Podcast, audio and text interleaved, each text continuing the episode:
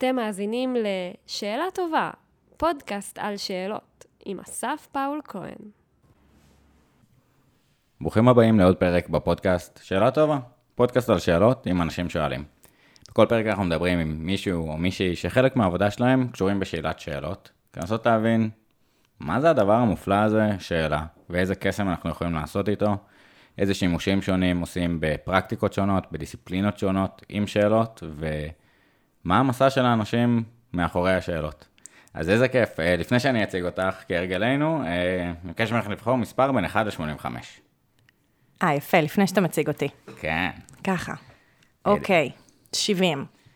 70. אז אה, השאלה שאת מקבלת זה, אם היית יכולה להכיר תודה על משהו, על מה זה היה? להכיר תודה. מהמם. וואו. וואי, יש הרבה דברים. פעם הייתי, אני צריכה לחזור לזה, אבל פעם הייתי מנהלת יומן שקוראים לו 5 minute journal, שאתה מכיר את זה? לא? זה, זה ישר סיפור, שכל אה, בוקר כותבים אה, שלושה דברים שאני אומרת עליהם תודה, שלושה דברים שאני רוצה שיקרו היום, שיעשו, that will make my day wonderful, ואז בסוף היום אומרים שלושה דברים שאני שמחה שקרו היום. זה כזה פסיכולוגיה חיובית. אז uh, העניין בלהגיד תודה, זה לא להגיד תודה על דברים גנריים. כי זה לא להגיד כזה, תודה שאני בריאה, תודה שכזה, כאילו, תודה שיש לי כסף, משהו כזה, יותר כזה, תודה שהשמיכה של הפוך מחממת אותי. כאילו, משהו כזה שבאמת אני מוקירה תודה עליו. אז גם שמתי לב שהרבה פעמים הייתי אומרת תודה על זה שההורים שלי גרים במרכז. גרתי באותו זמן בבאר שבע, אז אולי זה קשור. כאילו, זה היה מאוד, זה מאוד עזר לי אה, בחיים. ו... אז כזה פתאום הבנתי שזה לא ברור מאליו, כי זה מאפשר לי המון. אה, כזה להיות גם בעולם הזה וגם בעולם הזה. אה, גם הייתי הרבה, אומרת באמת המון פעמים תודה, זה קצת גנרי, אבל על בריאות. וכזה באמת שאני בריאה והכל טוב, וכנראה שזה הדבר הכי חשוב. כן, זה כאילו... העניין הזה של הבריאות, גם עכשיו יש לנו עוד יותר סייליאנס כזה של המושג בריאות, ובכלל התעסקות, וזה נכון, עניין לדבר עם רופאים, וזה... אבל uh, ביום אנחנו לוקחים את זה כמובן מאליו. נכון. Um, אני לוקח uh, קצת לכיוון של... Uh, משהו ספציפי. אה, לא, כאילו, את יודעת, זה, זה באמת שאלה שקצת תופסת אותי אה, הפעם, קצת כזה פחות בשלוף, כאילו, איזה תקופה מלחיצה, מבאסת הסגר השני הזה, נכון.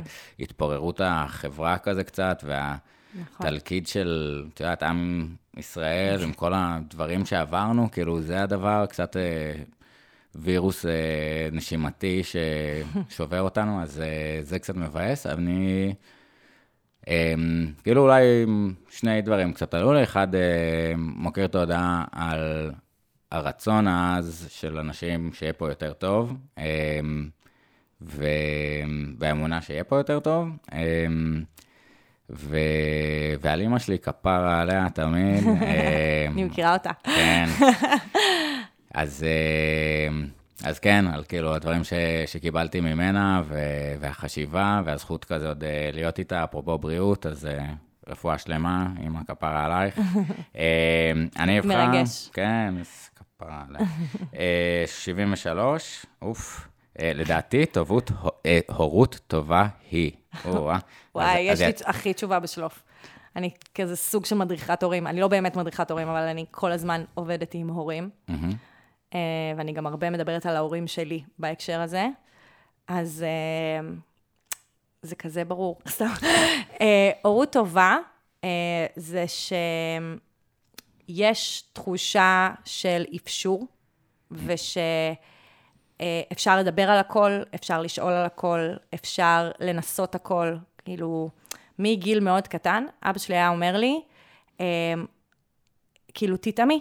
מקסימום לא, תאכ- לא תאהבי את זה, ואז כן. לא תצטרכי לאכול, כאילו, אבל תטעמי. וזה כזה, כאילו מעין הפך להיות הגישה שלי לחיים, כזה be curious, כאילו תהיה סקרן, not judgmental, כאילו לא, לא, כאילו אל תהיה שיפוטי. שיפוטי, כן. בדיוק. אז, אה, אז כאילו אני מרגישה שזו הגישה שגדלתי בה, ובפועל זה גרם לזה שהתייעצתי עם ההורים שלי על הכל.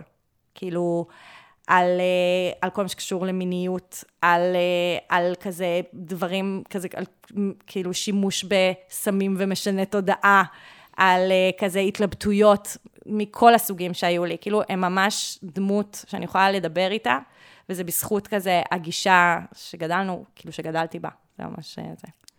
אדיר, כאילו, באמת המקום אולי של לייצר מקום מספיק בטוח, שמאפשר לך להיות כזה open to the world, כזה openness to experience, ובאמת כן. אה, קצת נגענו איזשהו פריוויו לשיחה באמת על מיניות, וקצת אה, לאן זה הוביל אותך, אז עוד מעט ניגע בזה. אני, כאילו, אותי ההורות טובה, אני חושב שזה באיזשהו מקום, זה גם מעניין, העיסוק שלי בזה עוד לפני שאנחנו, שאני הורה, אבל אה, כאילו לתת איזושהי... דבר ראשון, חוש צדק אה, בעולם, אה, ורצון לעשות טוב, אה, סקרנות, סקרנות בריאה לעולם ולאומנות, מדע, אנשים, פילוסופיה, אבל סתם פשוט סקרנות, ומסוגלות עצמית, זאת אומרת, לתת לילד את התחושה שהוא יכול ויודע, קצת מבחינת עצמאות, אבל פשוט מסוגלות עצמית. כן. לומדים על זה הרבה בפסיכולוגיה התפתחותית. כן. כן, אז, אה, אז מגניב. כן. אה, אז דרך ה-85 שאלות ככה צללנו לשיחה מתבדרת. אני שמח מאוד מאוד להציג היום את האורחת שלנו, אה, סיוון לוטן, בוגרת תואר ראשון ושני בעבודה סוציאלית באוניברסיטת בן גוריון. את עבודת התזה שלה היא עשתה על פורנו וזוגיות. נדבר על זה, סופר מעניין. מסיימת לימודים בתוכנית ההכשרה לטיפול מיני באוניברסיטת בר אילן, מתחילה בקרוב התמחות. אה, לסיוון יש המון ניסיון בהדרכה וייעוץ בנושא מיניות וזוגיות, ומנחה סדנאות והרצאות כבר אה, חמש שנים. עבדה בעמותת אה, דלת פתוחה לקידום מיניות בריאה בישראל, בהתחלה כמתנדבת בסניף תל אביב, אי שם בשנת 2010, וואה, כבר תקופה. ניהלה את הסניף בבאר שבע, מנהלת היום את הסניפים בתל אביב. אמ, ובענייני פודקאסט, אז יש לך אה, גם פודקאסט אדיר, אה, שיט של אחרים, נשים לינק, אה, פודקאסט סופר מומלץ, שם נותנת עצות לאנשים על הבעיות שלהם.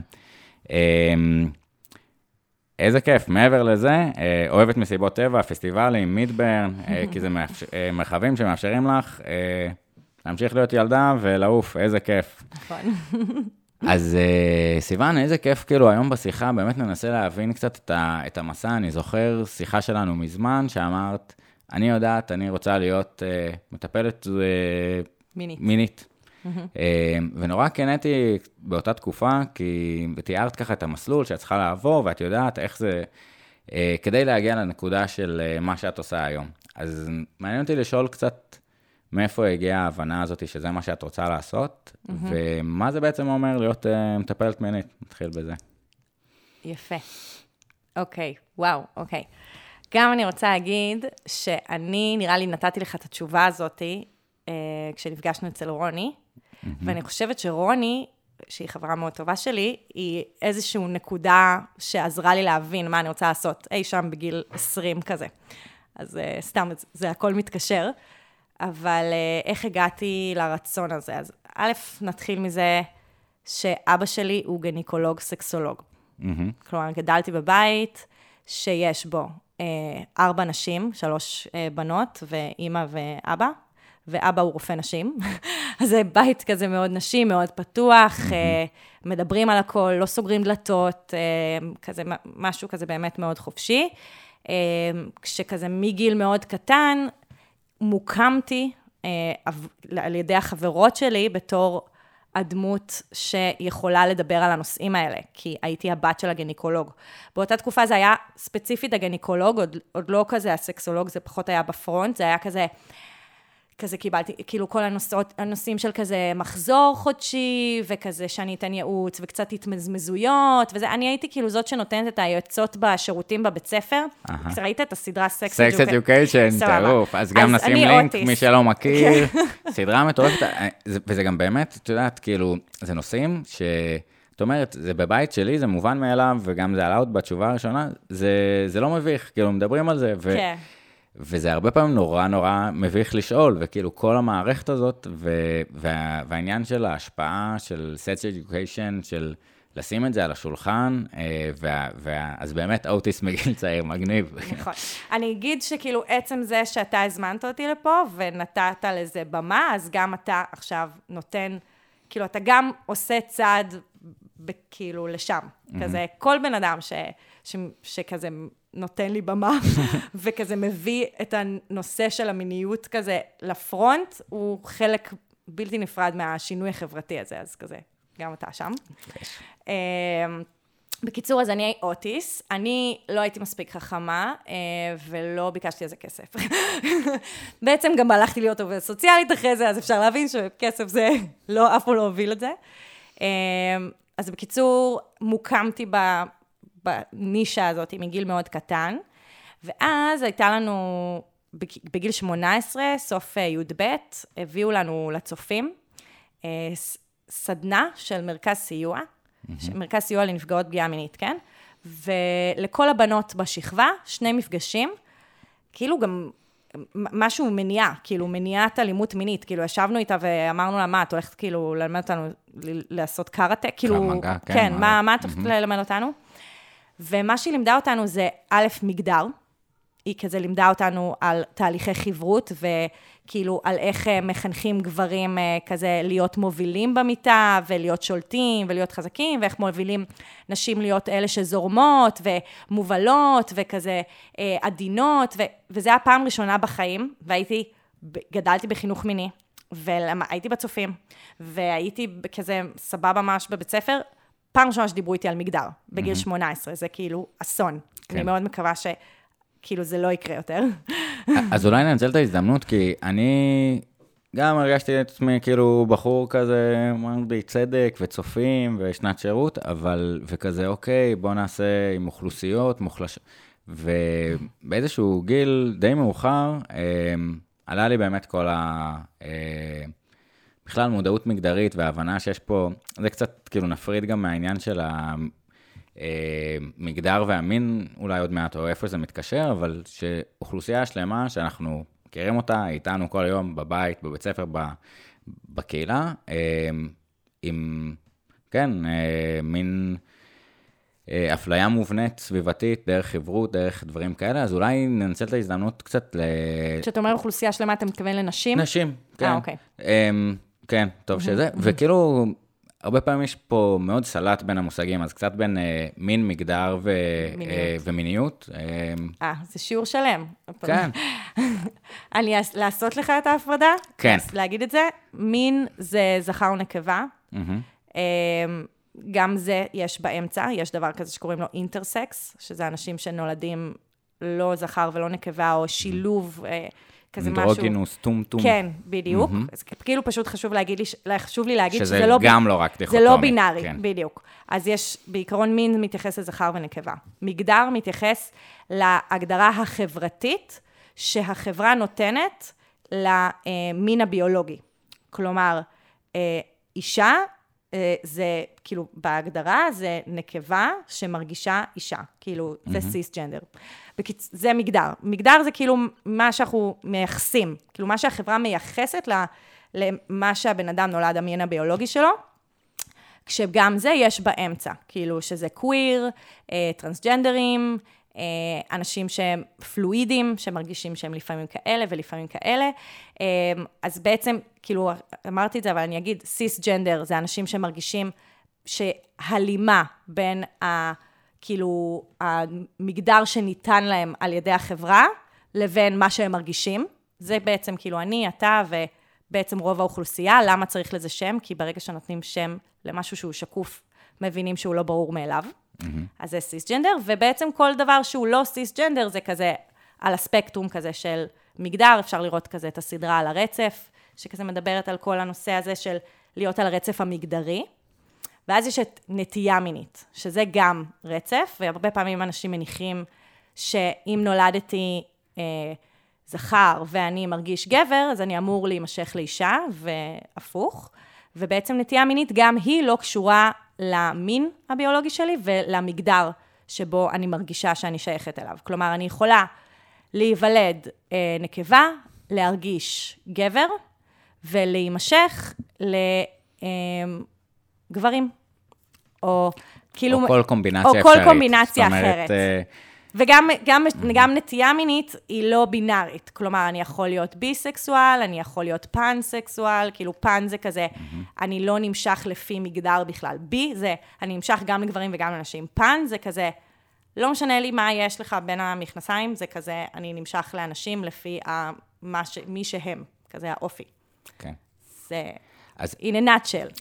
בום, כן. אז כאילו, קצת אני מקווה שזה פתח כזה את האוזניים פעם ראשונה לאנשים של, ול- ולעשות קצת סדר. אני חושב שמגניב וקצת סטינו מזה, אבל אני אומר, אוקיי, החוויה הראשונה הזאת, אה, שבאמת אתה מבין שיש אישו, שלא דיברו איתי על זה, אה, חוזר לחוויה הזאת בצופים. אה, שונה ממה שהיה לך בבית ספר, ו, ומתוך הנקודת מפנה הזאת, בסוף, הרבה מהעיסוק שלך בחיים הבוגרים ו, והלאה, אה. הושפעו מזה. אז, כן.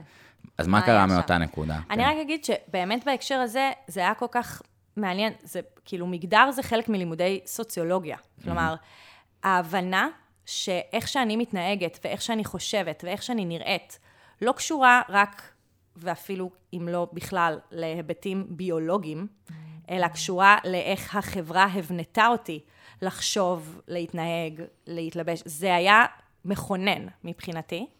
זה היה הדבר ראשון. כאילו בעצם הבנתי שיש לי את הכוח לשנות התנהלות שלי בחיים, התנהלות של אנשים אחרים. זה היה המפגש הראשון, והמפגש השני היה על תקשורת מינית.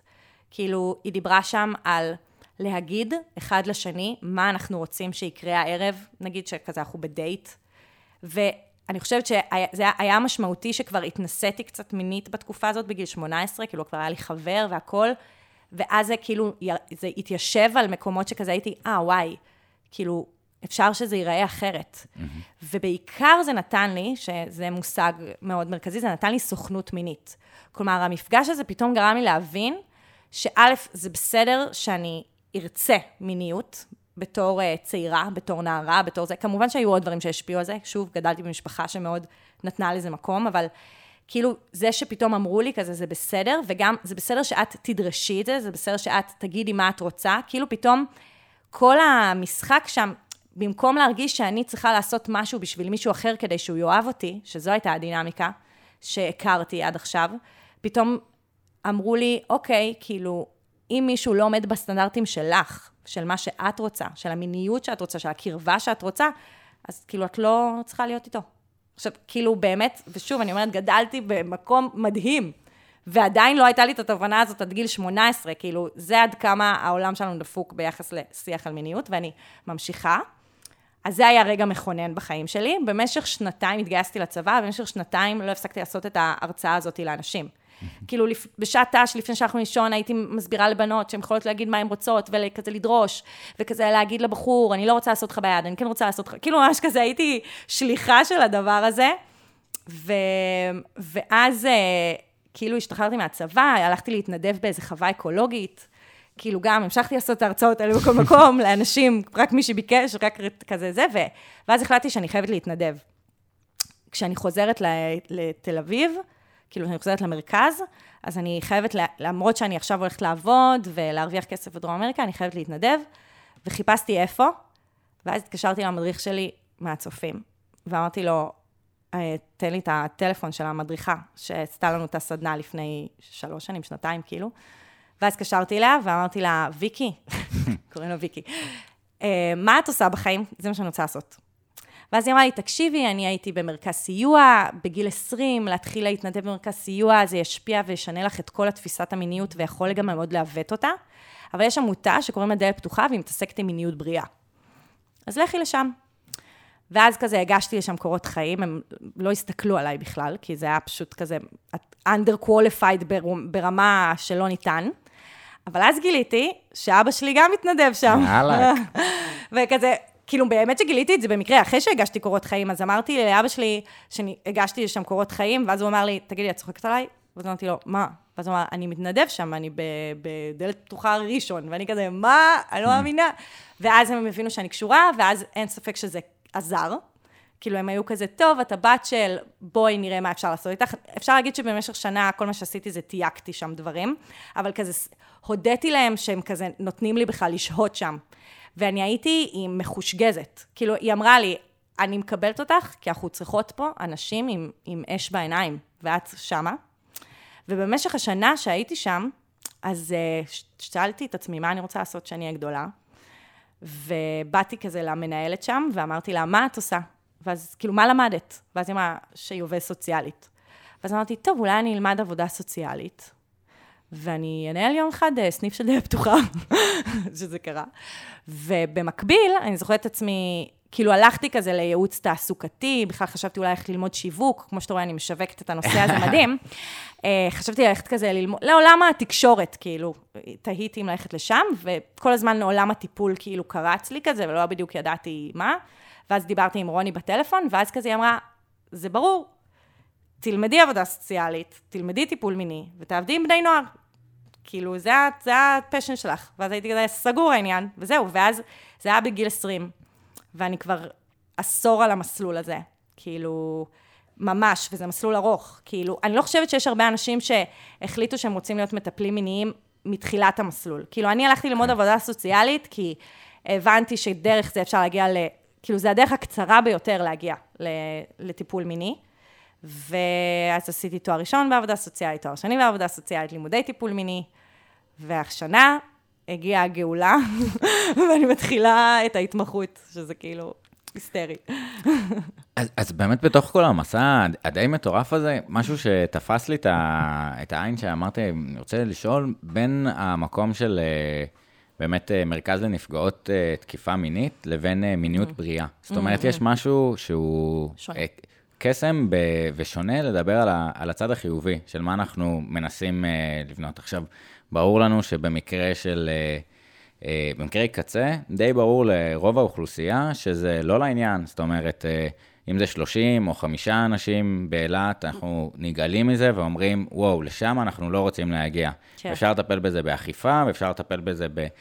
אבל uh, יש משהו של חקר מוקיר, ובכלל לדבר על מה היינו רוצים לעשות, אז אפשר לדבר מצד אחד על איך אנחנו יכולים אה, לצמצם את הפגיעות המיניות ואת ה... חינוך מניעתי קוראים לזה. אה, אל מול באמת איך אנחנו מייצרים אה, מערכת אה, יחסים בריאה בין המגדרים, בין המינים בישראל, לייצר אה, מיניות בריאה. אז... אה... שזה זכות, זכות בסיסית שיש לנו בחיים שלנו, לממש את הזכות שלנו להיות מיניים.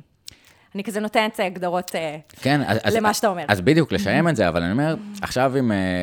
אה, רות אה, RBG, כאילו, אה, רות ביידר גינסבורג, שנפטרה, נשיאת בית המשפט העליון בארצות הברית. יש הרבה דברים שבחברה הישראלית היום, אנחנו לוקחים קצת כמובן מאליו, שנשים יכולות להצביע, ושנשים אמורות לקבל את אותן זכויות במקומות עבודה, וכל מיני דברים כאלה שהם לא היו מובנים לא מזמן. אז גם הזכות למיניות בריאה, זאת אומרת, כן, זו הזכות הבסיסית שלנו, שכל דבר... זה עדיין לא ברור מאליו. כן, זאת אומרת, אינוס כן. אה, בעלים, אה, נשים על ידי הבעלים שלהם, לא היה מחוץ לחוק אה, עד לא מזמן, וזה באמת איזשהו... תהליך ארוך של שחרור המיניות. כן. ומעניין אותי באמת ככה, את יודעת, דיברו על זה בין אה, אה, פוקו, וזה תהליך כאילו, המיניות ה... התחיל בתור משהו הכי טבעי, זאת אומרת, אה, ביולוגי, קורה, אה, ומאוד מאוד התפתח. מעניין אותי אולי דרך המקום של קצת המחקר אה, בפורנו וזוגיות, בקצת המקום הדיסטופי, הזיה אה, של מיניות לא בריאה, איך אנחנו בכל זאת אה, מצליחים לדבר על מיניות בריאה, איפה... אוקיי, okay, אמרת כאן המון מושגים, אני מרגישה שמי שיקשיב ולא מכיר, ילך לאיבוד. אמרת פוקו. נכון. שמתעסק באמת בהבניה חברתית דרך שיח, ואיך אנחנו מבנים את המציאות שלנו דרך שיח. שזה נושא שלם שאפשר לדבר עליו. אמרת, אה, מה ההבדל בשיח בין אה, מיניות בריאה לבין אלימות מינית, שאפשר לדבר על זה רגע, ואז גם שאלת בסוף על חקר המיניות. כן. אוקיי, שלושה ש... נושאים שונים. שזה ככה, בגלל שזה פודקאסט על שאלות, אז, אה, אז זה זמן טוב להגיד. אה, היה שאלה לא טובה, כי באמת נתתי לה מלא זה, ואני כזה, קחי אחד מהם, אה, אוקיי, את זה לא. והנה, אדיר. אז, אז באמת אה, נעשה סדר ולאט לאט. את פוקו, ככה, תולדות השיגעון, וזה דיברנו ב, אה, בפרקים קודמים, אפשר קצת לדבר על זה, אבל, אוקיי. אבל אולי באמת מהמקום של מין, מיניות בריאה, ובאמת אה, מול אה, מיניות הישגית אה, גברית, ובכלל, איך אנחנו מייצרים שיח על משהו פוזיטיבי, מיני, ולא רק אל תעשו ככה וככה. כן. תראה, בעיקרון, מה שקורה זה שבחברה שלנו מיניות נמצאת תחת טאבו.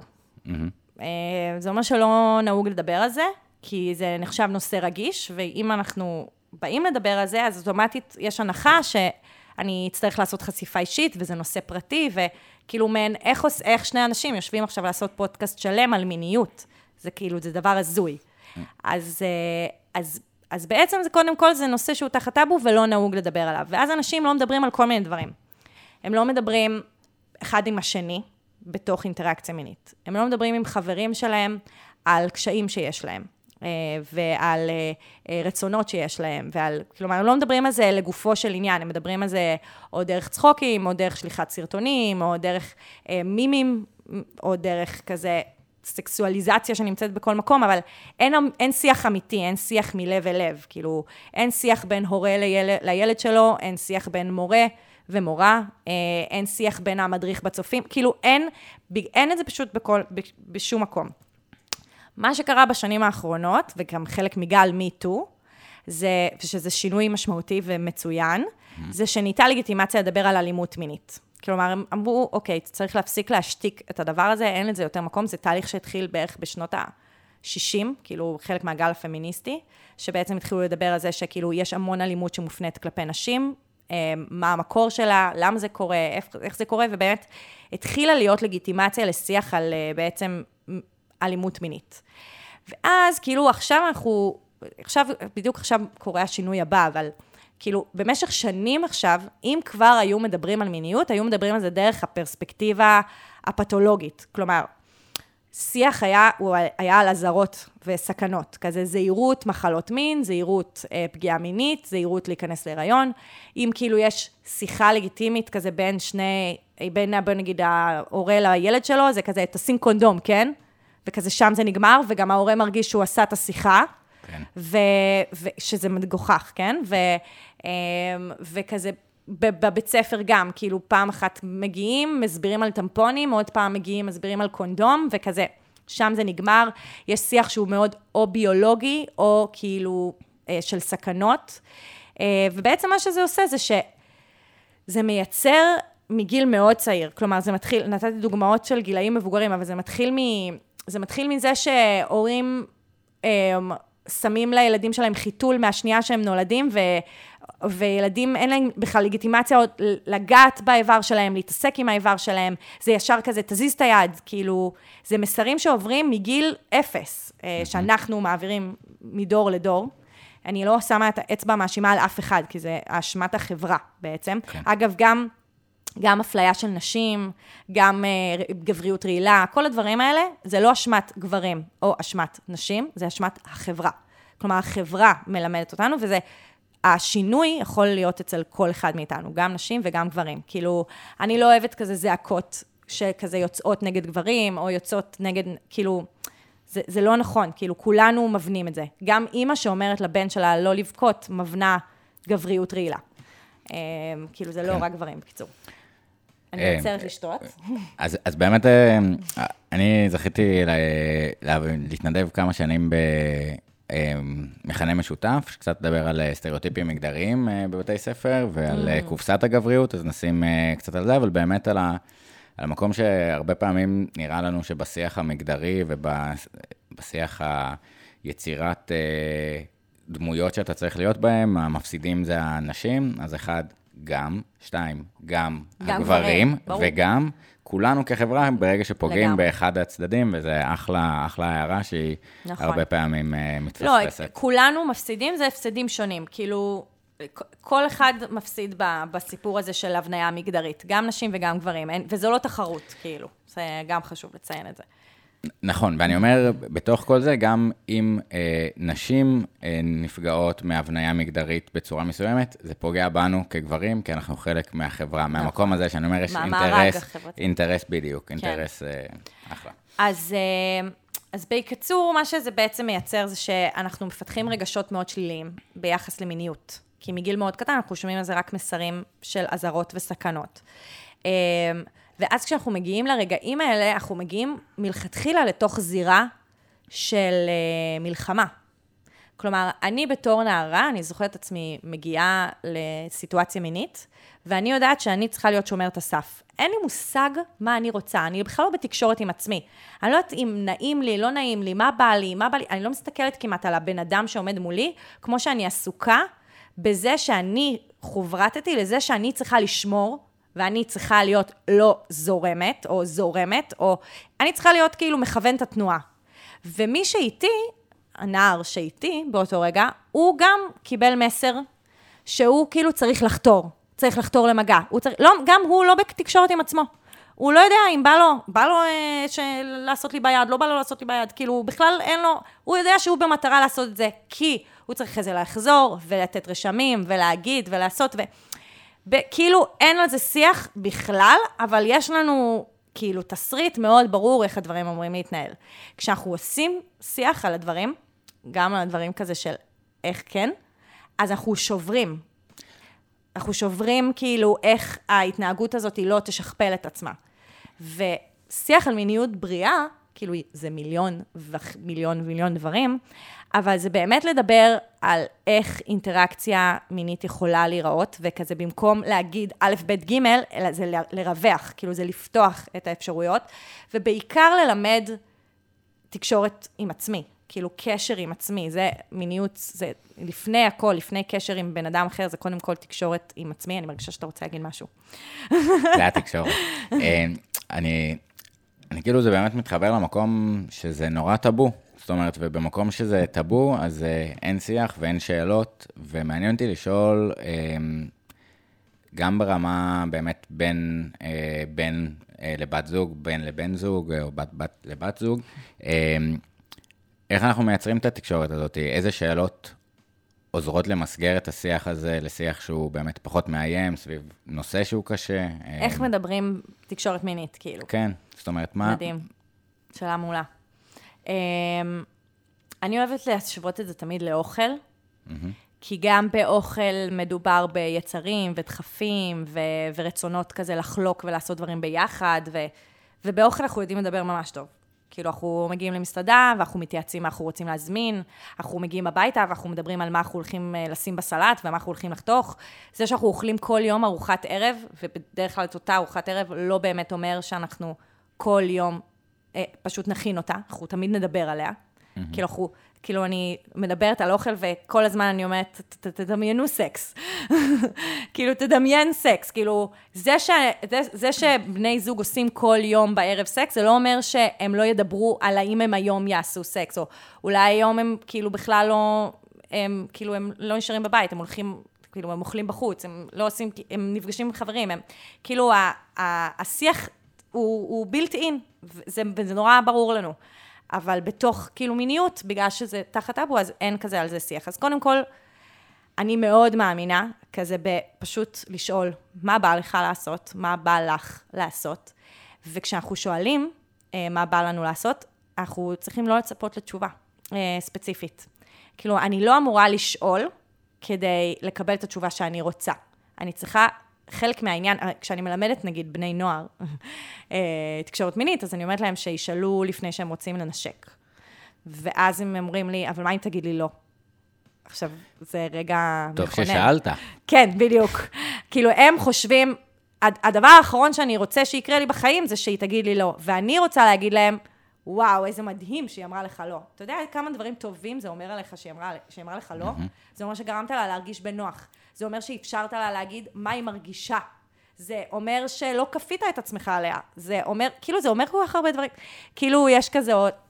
זה גם ממיניות מקודשת, הרבה פעמים אומרים את זה, וזה שמי שאומר לי תודה, אני אומר לו, אה, מי שאומר לי, סליחה, מי שאומר לי לא, אני אומר לו תודה.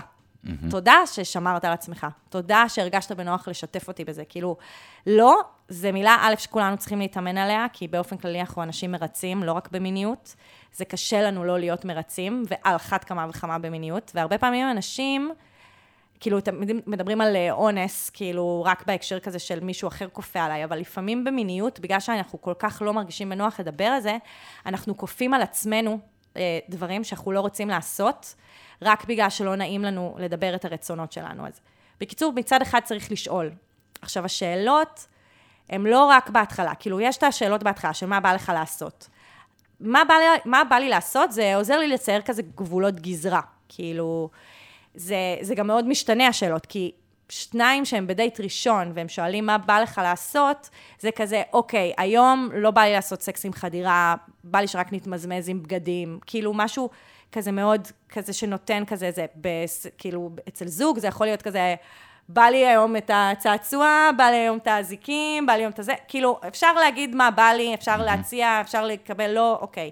ואז תוך כדי, אנחנו גם בהשתנות כל הזמן, כאילו, אנחנו כזה... פתאום מחשבה נכנסה לי לראש ואני אאוט. וכאילו, חשבתי שיבואו לי דברים, אבל אני בכלל במקומות אחרים. או פתאום, כאילו, קבענו שנעשה 69, אבל בדרך פתאום ממש נעים לי פה, אז אולי נישאר. כאילו, התקשורת, תוך כדי, היא ממש צריכה להיות, וזה כאילו משוב תמידי, כזה של נעים לי, טוב לי, תפסיק, לא, כן, לא רק גניחות, כי גניחות זה אחלה וזה נחמד, אבל זה לא, כאילו, להפך, אני חושבת שפורנו מלמד אותנו, הוא עושה אסון, כאילו, עושה נזק לגניחות, כי הוא מלמד נשים לגנוח כל הזמן, בלי קשר למתי הן נהנות, והוא מלמד גברים לא לגנוח אף פעם, ואז הם לא הבעתיים. כאילו, שוב, נגזר, נלקחת מהם היכולת להביע את עצמם, כאילו, ש... בעוד זירה. כאילו, למה שגברים לא יגנחו? זה גם דרך מגניבה להראות כמה נעים לי. אז נשים, כאילו, כל הזמן צריכות לגנוח, גברים, לא, אסור להם, כזה, זה בעיה. אבל בקיצור, גם תוך כדי צריכה להיות תקשורת כזאתי. ואני אומרת את זה, ואני אומרת, חשוב, כאילו באמת אני אומרת, זה יכול להיות סופר מביך, ובהתחלה כשעושים את התקשורת הזאת, זה נורא קשה לנו, כאילו זה נורא זה, אבל כאילו, גם שיח על מיניות, ככל שעושים אותו יותר הוא פחות מביך, הוא פחות קשה. גם אם, על אחת כמה וכמה אם זה אותו פרטנר, ואז כזה, אנחנו מתרגלים את זה לאט לאט, אנחנו מתרגלים, אנחנו מתרגלים לזה שאנחנו מדברים על זה, זה כבר הופך להיות חלק מהרוטינה. אני יכולה להגיד שבתור uh, מחנכת למיניות בריאה, כל מי שאי פעם היה בקרבתי בהקשר הזה, תקשרתי איתו. כאילו, ויש בזה משהו נורא משחרר. כאילו, אתה אומר, לשאול שאלות, זה משחרר. כאילו, יש משהו בזה שפתאום מישהו שהייתי איתו באינטראקציה, שאלתי אותו, כזה, מה בא לך לעשות? או אמרתי לו כזה, תשמע, היום בא לי ככה, לא בא לי ככה, וכאילו, ממש ראיתי פרצופים מלאי רווחה כזה, כזה, אה, וואו, איזה הקלה, לא צריך לנחש היום. כאילו, זה ממש כזה, וואו, כזה זה. אני אגיד לך להגיד, אבל יש שלב שלישי, כן? אה, אז, אז שלוק, אני... לא, כאילו, אוקיי, אחרי השלוק, תמשיך. להמשיך? כן. אוקיי. שלב שלישי זה משוב. כמו, בסנ... כמו משוב סנדוויץ' כזה, אחרי כזה, כזה, אחרי כל דבר שאנחנו עושים, וכזה אנחנו רוצים לקבל כזה משוב על איך עשינו את זה, ואיך היה, ומה היה, ואיך הרגשתי. אז עדיף שזה לא יהיה, למה אני אומרת סנדוויץ'? כאילו, עדיף שזה לא יהיה כזה, החבת לי, לא היה לי נעים, כאילו, עדיף כן, כשאנחנו מעבירים משוב, שזה יהיה בצורה עטופה, ואפשר כזה לדבר על ממש אהבתי שעשית ככה וככה, היה לי נעים, פחות אהבתי את זה, את תשים, כאילו, תשים לב כש... לא יודעת מה, כשאני בתחילת החודש... אגב, הגוף תגזור שלנו... תגזור ציפורניים למשל. לגזור כן, ציפורניים. כן. גם הגוף שלנו משתנה לאורך החודש, mm-hmm. בעיקר אצל נשים, המחזור החודשי. יש ימים שאישה... כאילו, מבייצת, ואז כזה, הגוף שלה יותר פתוח לזה, יש לה מצב רוח מרומם, כאילו, התשוקה ודברים יכולים לקרות כזה באופן יותר טבעי, כאילו, יותר כזה עצמוני, כאילו מתוך, כאילו זה יבוא מתוך עצמה, ויש ימים שכזה צריך להניע את זה, או ימים שכזה כואב את הבטן, או ימים שכזה זה, פתאום אה, יש רגישות בשדיים. לא צריך להניח שמה שהיה נעים למישהי או למישהו אתמול, יהיה נעים לו גם מחר. כאילו, התקשורת הזאת היא לא, היא לא רק עניין כזה של, כאילו, טוב, פעם אחת סיכמנו, אני אמרתי לך מה נעים לי ומה לא נעים לי, אנחנו כל הזמן משתנים. אז כזה, קיצר, זה, התקשורת היא מתמשכת, כאילו, זה לא מספיק רק שיחה אחת כזאת. זה, לא, זה, אוקיי, כן. אני, אז באמת התחלנו כאילו מהמקום של, אוקיי, זה קצת טאבו ומביך, ואמרו לנו, ובכל זאת, איך, איך קצת לשאול אחד את השני. אה, ואני חושב ש... שאלה אם זה משהו שקורה לפני, תוך כדי או אחרי, אבל איזה שאלות כדאי ש... לעזור לבן אדם לשאול את עצמו כדי שהוא יוכל להתמקם באותו מקום לפני שהוא יוצא החוצה לדבר עם הבן בת זוג. שאלה מצוינת גם, ממש, ממש, ממש, כי הרבה פעמים מה שקורה זה שאנחנו מגיעים לאינטראקציה עם בן אדם אחר, אנחנו לא באמת יודעים מה אנחנו רוצים. כאילו, זה, זה קורה גם בעוד אה, מרחבים, מן הסתם, לא רק במיניות. אה, גם הרבה פעמים אנחנו אוהבים לשחרר כזה של לא להחליט מראש וזה, אבל כאילו, בעיקר במיניות אין לנו, כאילו, באמת, אין מספיק תקשורת עם עצמנו. זה, המערכת יחסים הכי חשובה היא כזה, קודם כל, לעבוד עם עצמנו. כזה, לראות מה נעים לי, לאהוב את הגוף שלי. אם אני לא אוהב את הגוף שלי, אם אני לא אהיה מיודדת איתו, אם אני לא אסתדר איתו, אה, אז האינטראקציה עם בן אדם אחר יכולה להיות מאוד כואבת, מאוד מביכה, מאוד עם המון בושה, עם המון... כאילו, אני צריכה, כן, אני צריכה כזה לעבוד עם עצמי, וכל הזמן לשאול את עצמי, אגב. יש uh, תרגיל שמלמדים, כאילו התרגיל של טיפול מיני. שכזה מאסטרס וג'ונסון המציאו אותו, וכזה, קוראים לו sensate focus. אוקיי, מה זה אומר? שזה זה כאילו, בעיקרון נותנים את זה לזוגות, uh, אבל גם אנשים יכולים לעשות את זה באופן עצמאי, אבל זה, זה, זה תרגיל ששני אנשים בעצם כל פעם נותנים, מעניקים אחד לשני בתורו, כל אחד בתורו, כזה, כזה ליטוף, מגע, זה יכול להיות כל מיני דברים, אבל זה לא, זה לא מיני, כאילו, בניגוד לזה שזה חלק מטיפול מיני, זה לא מיני, כאילו, לא נוגעים באיברי מין וכולי. וכשאני נותנת את המגע, כל מה שאני עושה זה רק מה שבא לי. כאילו, אני לא חושבת על הפרטנר שלי ומה יהיה נעים לו, אני חושבת על מה יהיה נעים לי לתת. Mm-hmm. שזה כאילו ההפך מאיך שאנחנו okay. כן. חושבים בדרך כלל. אבל זה מה שהופך אה, מיניות לטובה. אה, לא יודעת אם טובה, אבל אה, בריאה מפתחת, נעימה, אה, מאפשרת, לא פוגעת. כי כל עוד אני... זה עוזר, א', למנוע את העניין הזה של אה, ריצוי. כאילו, טוב, הוא עשה לי עשר דקות מסאז', אז אני גם אעשה לו עכשיו עשר דקות מסאז'. לא, אני אעשה לו לא דקה אחת יותר ממה שבא לי, לא דקה אחת יותר שהידיים שלו לא יכאבו אפילו רגע. כלומר, אני כל הזמן שואלת את עצמי, תוך כדי שאני מעניקה, מה בא לי לעשות, מה נעים לי לעשות, מה עכשיו, כאילו גם, זה גם עוזר לי להבין את התשוקות שלי. כזה, איפה בא לי לגעת, במה, מה בא לי לראות, מה בא לי לעשות, זה כאילו מאוד, אה, זה, ברור שאם הצד השני כואב לו, שזה, כאילו, אין סיבה שזה יגיע לשם, אבל כואב לו, מדגדג לו, לא קר לו, לא נעים לו, אז ברור שהוא צריך להגיד. אה, ואז אנחנו נעשה איזושהי התאמה, אבל זה, זה כאילו תרגיל שעושים אותו בלי לדבר, שרק אחרי זה כאילו מדברים, כאילו אחרי זה כזה משתפים כל אחד, איך הוא הרגיש. זה תרגיל שכאילו למדתי אותו איזה, כאילו מלמדים אותו כמה, כמה וכמה שיעורים, אז זה, זה in a nutshell, אבל... כאילו, הבסיס של התרגיל הזה, שהוא הפוך על הפוך. כאילו, כן, הרבה זה... פעמים במיניות, יש לנו איזו מחשבה שאנחנו... ההנאה היא בלקבל, זאת אומרת, ויש כן. פה איזה היפוך שהוא... בדיוק, ההנאה בלתת. כאילו, מה, זה, זה אפילו, כאילו, זה נורא כיף לראות שאני, שמה שאני נותנת ומה שנעים לי לתת, זה מה שעושה נעים לבן אדם השני. זה הדרך הכי טובה להעניק בעצם. כן, כי כאילו באמת יש ב, בכלל ב... המקום הזה של... Uh, חוסר איזון או אה, באינפורמציה. זאת אומרת, אה, אני לא יודע מה בדיוק הוא רוצה, ואמרת, הפרצופים שאמרו לך של איזה כיף, כאילו, איזה משחרר זה, אה, אז גם פה, זאת אומרת, הרבה פעמים יש איזשהו חוסר איזון בין אה, מי שעושה את העבודה, נהנה מה... נכון. ו- ולייצר את, את הסינכרון הזה. אה, אגב, mm-hmm. פעם העברתי סדנה כשלנוער, לא, זה לא היה לנוער אפילו, זה היה צעירים. כאילו, זה היה כזה בין... 18 ל-20, וכנראה שזה גיל שבו באמת יש אה, הרבה פוטנציאל לשינוי, כי, הם, כי זה באמת כבר יושב על איזשהו... איזושהי כבר אכזבה מהעולם הזה, כאילו איזושהי זה, ו, ובאמת דיברתי איתם על תקשורת מינית, וישב שם מישהו והוא אמר, די, אני לא מאמין. אני יכול פשוט לשאול אותה? כאילו, הוא היה, הוא כאילו, עכשיו זה מדהים, כי אה, כאילו עד עכשיו הוא בכלל לא חשב על זה כאופציה. כשהוא יכול פשוט לשאול אותה, וכמה, הוא, הוא כאילו היה כזה בהלם, הוא כזה, איזה קל זה יהיה עכשיו, כאילו, oh my God, כאילו, אני הרגשתי שכזה, העולם השתנה לו כזה, כאילו, האסימון, האסימונים נופלים, כזה, כאילו, תקשורת היא לא, היא, היא לא מקובלת, כאילו, בתוך מיניות, והיא כל כך משחררת ועושה את הכל יותר נעים, זה כזה הבסיס בערך להכל. ואגב, זה, בדיוק היה לנו על זה פרק בשיט של אחרים, דיברו על, אה, דיבר, כאילו, שאלו אותנו שאלה על מחלות מין. גם על דברים לא נעימים, אנחנו צריכים לדבר בכל מה שקשור למיניות. Uh, כאילו, כשאני באה uh, עכשיו לקיים מגע מיני עם מישהו, אנחנו צריכים לדבר על הכל. גם ל...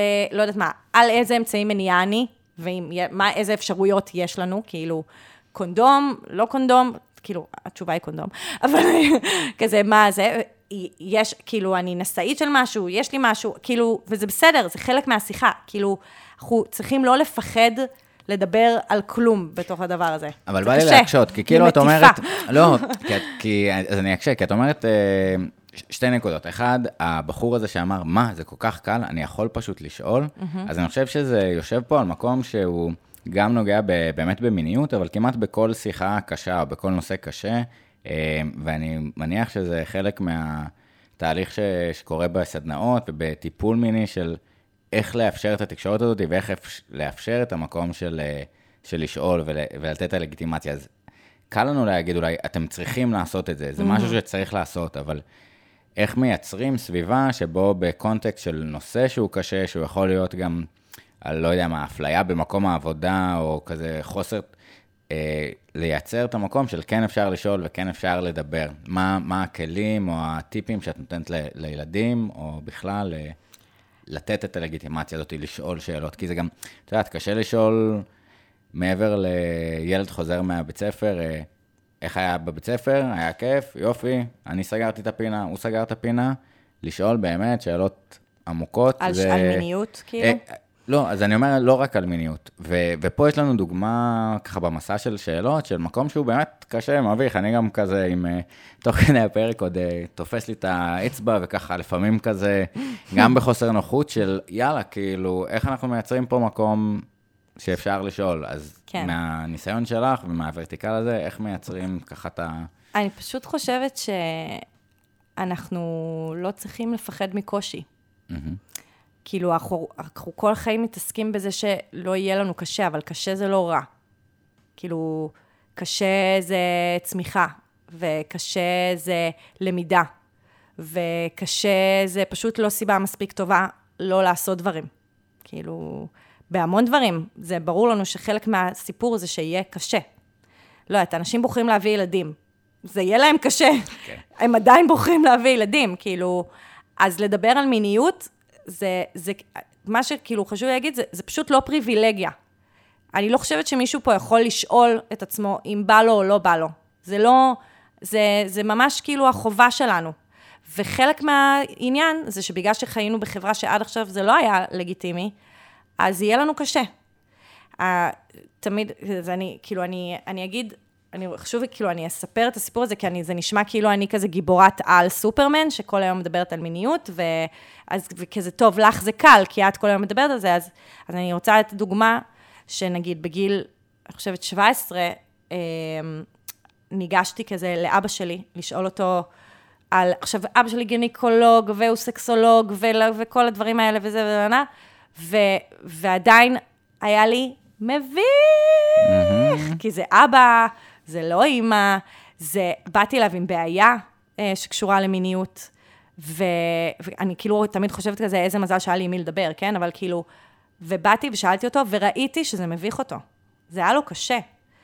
זה, כן, הוא יכול לדבר על זה כל היום במשרד, עם, uh, בקליניקה, עם, uh, עם המטופלות שלו. אבל כשהבת שלו, בת ה-17, באה ושואלת אותו על מיניות, הוא גם צריך לדמיין אותה מקיימת יחסי מין, הוא גם צריך להכיר בזה, הוא גם צריך... זה, זה לא היה סבבה. ואנחנו ישבנו שנינו בשיחה הזאתי, במשך שעה, או לא יודעת כמה זמן שזה לקח, בסבל, כאילו, ב... במבוכה, בחוסר נעימות, במבט לפה, במבט לשם, אבל צלחנו אותה, כאילו צלחנו את השיחה הזאת. אני קיבלתי אינפורמציה ששינתה לי את החיים, כאילו, שוב, אני אומרת איזה מזל שהיה לי את מי לשאול, ו, ו, ואבא שלי עשה, כאילו, נתן משהו לבת שלו, כזה, זה, זה כזה עוד, עוד כזה אבן ביחסים בינינו. והציפייה, ש... ואני אומרת זה נגיד באלפי הדייטים שבהם דרשתי מיניות, אה, כאילו תקשורת מינית, אה, לא תמיד קיבלתי תגובות אוהדות. אנשים חשבו שאני יצורה, אנשים חשבו שאני מגזימה, אנשים חשבו שאני אה, מדברת יותר מדי, שכזה, זה הורס את הכיף, שזה הורס את הספונטניות, שאין ספונטניות בסקס, זה כזה בולשיט שמספרים לנו בקומדיות רומנטיות. אה, בקיצור, כאילו, זה לא שכל היום קיבלתי מחיאות כפיים, כאילו נתתי את הדוגמה הטובה כי, כי באמת יש משהו גם במשחרר בזה, אבל אני חושבת שאנחנו צריכים לעשות לפעמים, לשאול את השאלות האלה גם כשזה קשה לנו, גם כשזה לא הדבר שיעשה לנו עכשיו, שזה יהפוך את החיים לקלים. זה בסוף יהפוך את החיים לקלים יותר, אבל לא באותו רגע. לא, אני ממש לוקח, כאילו, אני רציתי לשאול, את יודעת, איך עושים את האווירה של ביטחון פסיכולוגי, שאני, שילדים יכולים לשאול, בואנה רגע, בסיטואציה כזאת, ואיך אני עושה, בנושאים מביכים. אבל דווקא התובנה של, אה, וואלה, זה שזה קשה, אה, זה לא נורא. והיציאה מאזור הנוחות, זה, זה המקום של ה-growth, כאילו, של צמיחה ושל... ובאמת כ- כחברה לשאול את השאלות היותר קשות, אה, באמת במפגשים אחד על אחד, אבל גם בקונטקסט חברתי, איך אנחנו מתייחסים לזה, אז ממש... אה... וגם זה משתחרר, כאילו, כשאני עושה, כשאני באה לסדנה על מיניות, אז אני לא אתחיל ישר בלדבר, כאילו, אנחנו, אנחנו פה יחסית מאוד מהר, בגלל ששאלת, כאילו, שאלות מאוד כזה, זה יחסית מאוד מהר, כזה ירדנו לפרטים, כאילו, נכנסנו mm-hmm. כזה לשיח מאוד עמוק על מיניות, אבל אני, יעברו 45 דקות בסדנה עד שאני אתחיל לדבר מיניות. אני במשך רק 45 דקות יחמם את הקהל לזה שהולך להיות קשה, ואנחנו הולכים לצלוח את זה. ובסוף השעה וחצי, כאילו. כאילו, הם בכלל, הם יוצאים אחרת, כי כאילו פתאום, במשך שעה וחצי דיברנו על זה, כבר פחות קשה להם. כאילו, כבר מהשיחה הזאת הם יוצאים שקצת פחות קשה להם. אז כאילו, אתה אומר, איך מייצרים סביבה שיהיה לה פחות קשה לדבר על מיניות? מדברים על זה. כאילו, זה קצת פרדוקס, אבל ככל שנדבר על זה יותר כחברה, יהיה פחות קשה לדבר על זה. זה ממש ככה. כן, זאת אומרת, להוציא את ה... ברגע שהדברים הם לא טאבו ולא בחושך, והם במקומות uh, שאנחנו לא יכולים uh, לעסוק בהם, אז uh, זה יוצא מהמקומות באמת הפתולוגיים, ורק uh, עולה כל מיני מקרים שהם מזעזעים, ואפשר לייצר... כאילו, בהקשר הזה, אני אחזור נראה שנייה, שנייה באמת לאלימות מינית mm-hmm. והשיח הזה, כש, כשלא מדברים על איך מיניות נראית ויכולה לראות, ואיך תקשורת מינית נראית, וזה שזה יהיה קשה, וכל הדברים האלה וכולי, אנשים כשהם מגיעים לרגעים האלה ש, אמ, של, של מיניות, של אינטראקציה מינית, הם רק יודעים מה הם לא אמורים לעשות, הם לא יודעים מה הם כן אמורים לעשות. ו, ו, ובאמת נוצר מצב שיש שם המון פגיעה. הם גם לומדים כאילו, זה המשפט הכי שגור, כאילו, זה המשפט שאני אומרת הכי הרבה פעמים בחיים, אבל הם לומדים את כל המיניות שלהם מפורנו, בגלל הוואקום, בגלל שכזה אנשים מובכים לדבר על זה, בגלל שכזה אנחנו מפחדים לשאול שאלות, בגלל כל הדבר הזה, אז כזה, בסוף הם מחפשים תשובות. אז הם יחפשו את זה באנונימיות, בקלות, באינטרנט, כאילו, זה, זה, ושם הם יקבלו תשובות פחות fun, כאילו, כן. פחות סבבה. אז, נשים את הלינק לסרטון שלי העיף את הסכך באמת על איך, איך לייצר את המקום הזה, אני חושב בפינלנד, אה, כן. של אה, אה, שני שחקני פורנו דופקים בדלת באיזה בקתה פינית כזאת, ואומרים, כן, הבן שלך רצה לזה, אולי כדאי ש... כן, זה לא פינלנד, זה... קיווי, זה אוסטרליה, ניו זילנד. אמ, מגניב, אז כן, הם עשו ארבע סרטונים על סכנות ברשת, ארבע סרטונים מדהימים, שכולם פונים להורים, על זה שהם צריכים לדבר איתה, עם הילדים שלהם על סכנות ברשת. אז אחד זה היה הפורנו, שהוא היה הכי ויראלי, ובגלל זה הוא גם הגיע אליך. השני זה על זה שהם צריכים, הם, ילדים מדברים עם אנשים בצ'אט, ולא יודעים עם מי הם מדברים, והם מדברים עם אנשים מבוגרים מהם, והם שולחים להם תמונות והנאה. אה, גם על זה שכזה, הם רואים משהו תמים, ואז פתאום כאילו עולה פרסומת וגם זה, ועוד אחד היה, לא זוכרת. אז כאילו, אני, אני אומר, איזה אחריות של מדינה להגיד, אוקיי, אנחנו יודעים שזה קשה, תדברו איתם, יש להם שאלות, אולי כן נשאל עוד מעט קצת על המחקר אה, בפורנו, ומה הייתה השאלה ומה הממצאים, אבל ברור די לכולם שזה מעוות לנו את, ה, את התפיסה, אה, ככה באיזושהי דוגמה, שכחתי איך קוראים לה, אה, זוכר פרס נובל, אני חושב, שעשה ניסוי עם סוג מסוים של ציפורים, שלקחו את הביצים שלהם והביאו... שמו ביצים מפלסטיק שהן קצת יותר גדולות, ו... עם uh, צבעים יותר חזקים. ראו שהציפורים העדיפו את הגירוי, גירוי אקסטרה נורמלי, נראה לי מה שקורה, mm. תקני אותי בזה. Uh, ובאמת, מקבלים איזושהי תפיסה מעוותת של המיניות, זה קל, זה דרך הפורנו. Mm-hmm. Uh, אם היינו יכולים עכשיו uh, לתת להורים קצת עצה uh, לגבי איזה שאלות יש לילדים והם מפחדים לשאול, ואיך אנחנו כן מייצרים את השיחה הזאת, לא רק שים, שים קונדום, אה? ובהצלחה, כן. איך אנחנו, מה הילדים רוצים לשאול. איך עושים חינוך מיני? כן, איך עושים אה, שיחה אה, בתוך המסגרת הביתית, שיחה שהיא קשה, אבל שבסוף, כדי שהחינוך לא יהיה ממקום כן. מוגזם, גרוטסקי, מעוות, אה, מה הילדים רוצים לדעת, כן? בואו נתחיל מזה שזו לא שיחה. זה שיחות. יפה. זה נושא שהוא קו ליניארי בחיים שלנו, כמו חוט שני בחיים שלנו, כמו שאנחנו, אני שוב אחזור לתזונה ואוכל וזה, כמו שבבית כל הזמן מדברים על אוכל. אה, לא אוכלים מתוק לפני הזה, אה, תאכל במטבח, לא, אל תלקח את זה לסלון, אה, זה אוכל אה, שבריא, זה אוכל לא בריא, זה כאילו, יש כל הזמן שיחה על זה, נכון? מה את רוצה לאכול לארוחת בוקר? כאילו, לא מפסיקים לגעת בנושא התזונה בבית. ככה צריך גם להיות השיחה על מיניות. זה לא איזה שיחה אחת קשה, מורכבת, שעושים פעם אחת והיא כואבת ובלתי נשכחת. אה, גם השיחה שאני מספרת עם אבא שלי, היא הגיעה אחרי אלפי שיחות קטנות, קטנות, קטנות, קטנות, שבסוף, בגלל שהיה לי דמות שהרגשתי שאני יכולה להיעזר בה, אז פניתי לעזרה אמיתית, כאילו, בהקשר הזה. אבל uh, זה לא, כנראה שגם אם הוא היה גינקולוג סקסולוג, אבל לא הייתי מקבלת את התחושה שאני יכולה לגשת ולדבר, אז, אז, אז, לא, הייתי, אז לא הייתי שואלת אותו, כי, mm-hmm. כי אני לא הייתי מרגישה בנוח. אז uh, דבר ראשון, uh, אנחנו לא רוצים להטיף, ואנחנו לא רוצים לתת הרצאות, שזה קצת שונה ממה שאנחנו עושים עכשיו, שאנחנו נותנים את כל התורה בבת אחת, אבל כשילדים שואלים שאלה, אנחנו גם רוצים לשאול אותם איפה הם שמעו את מה שהם שמעו, ומה הם יודעים כבר. כי הרבה פעמים הם יודעים דברים מעוותים. Mm-hmm. הם שמעו דברים מעוותים, הם, מישהו אמר להם בגן, הם שמעו משהו בבית ספר. אנחנו קודם כל רוצים להבין מה הרפרנס, כאילו, מה המקור. ואז אנחנו, דבר ראשון, עושים תיקון, אם יש צורך לתת תיקון, ונותנים כאילו שלב אחד מעל. אה, כאילו, לא יודעת, אימא, איך ילדים מגיעים לעולם, איפה שמעת על זה, בגן דיברו על זה, מה אתה יודע, אה, לא יודעת מה, שהחסידה מגיעה, החסידה לא מגיעה, אה, אבא מעביר לאימא אה, את הזרע שלו, והוא פוגש את הביצית.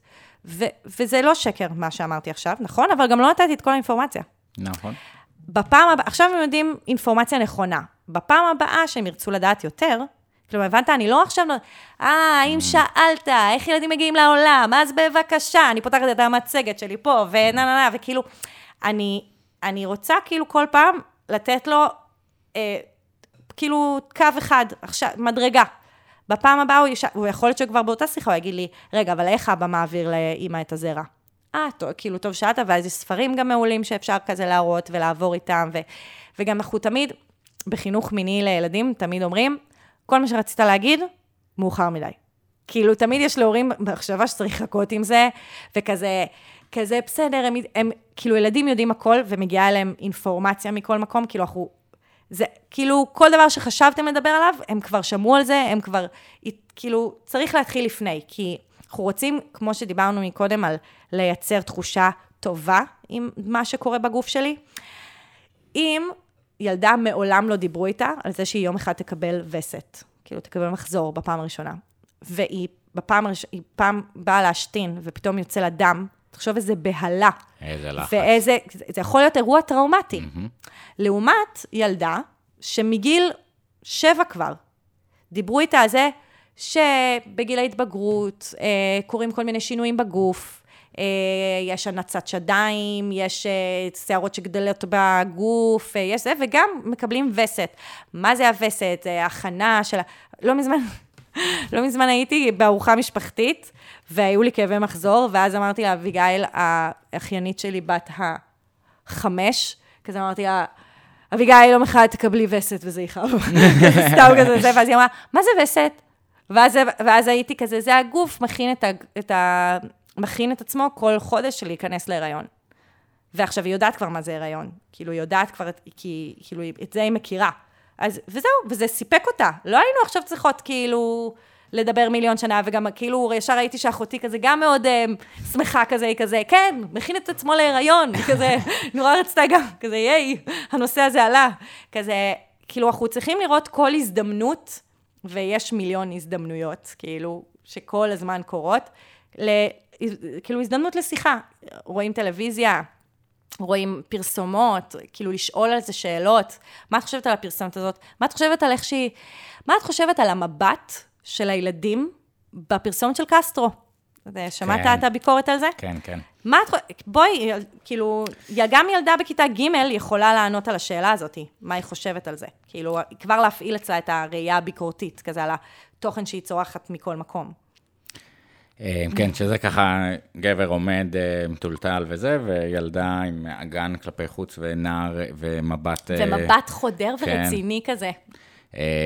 אז לקחתי באמת, אחד את ה... מה את חושבת, וגם להדהד ולייצר שיח ביחד, גם המקום מאוד של התמקמות משותפת. זאת אומרת, יש פה איזשהו חוסר איזון בכל מקרה ב- באינפורמציה, ולייצר את התהליך הזה ביחד, צעד בצעד. זאת אומרת, השאלה של, רגע, איפה שמעת את זה? לא רק ממקום של אני אצעק על הגננת, אלא ממש. להבין את המקום. להבין את הרפרנס, בדיוק. ו... וכן, ו... ומה בעצם אתה יודע? מה, מה היית רוצה לדעת? אה, נכון. וצעד צעד, לגמרי. כי גם הרבה פעמים אנחנו, כאילו, הם יבואו והם ישאלו, לא יודעת, מה זה דילדו, ואז אנחנו נשאל אותם, מה, מאיפה שמעתם על זה, ואז אנחנו נבין שהם בכלל שמעו משהו אחר, ו, ואנחנו לא באמת נצטרך לתת להם את כן. התשובה היום, בגיל ארבע, על מה זה דילדו. כאילו, יהיה בסדר. כן. כזה. אה, אז, אז אמרנו, אנחנו, אנחנו סוכני אה, הסבר יכולים להיות. ו... סוכני שינוי. סוכני שינוי ל, ל, למיניות בריאה ולמקום שפרטים בחברה יכולים להיות שלמים עם עצמם אה, ושלמים עם הבן בת זוג שלהם ולייצר אה, חוויה יותר טובה. ויש לנו מקור מוזר שהתפתח מזמן, אבל עבר שינויים די מטורפים, תעשיית הפורנו ממגזינים מתחת למיטה לכל אה, סמארטפון, שבאמת הסמארטפונים גדלו ככל שהבינו שאפשר אה, לראות בהם אה, אה, פורנו, וזה משבש לנו את המוח בטירוף.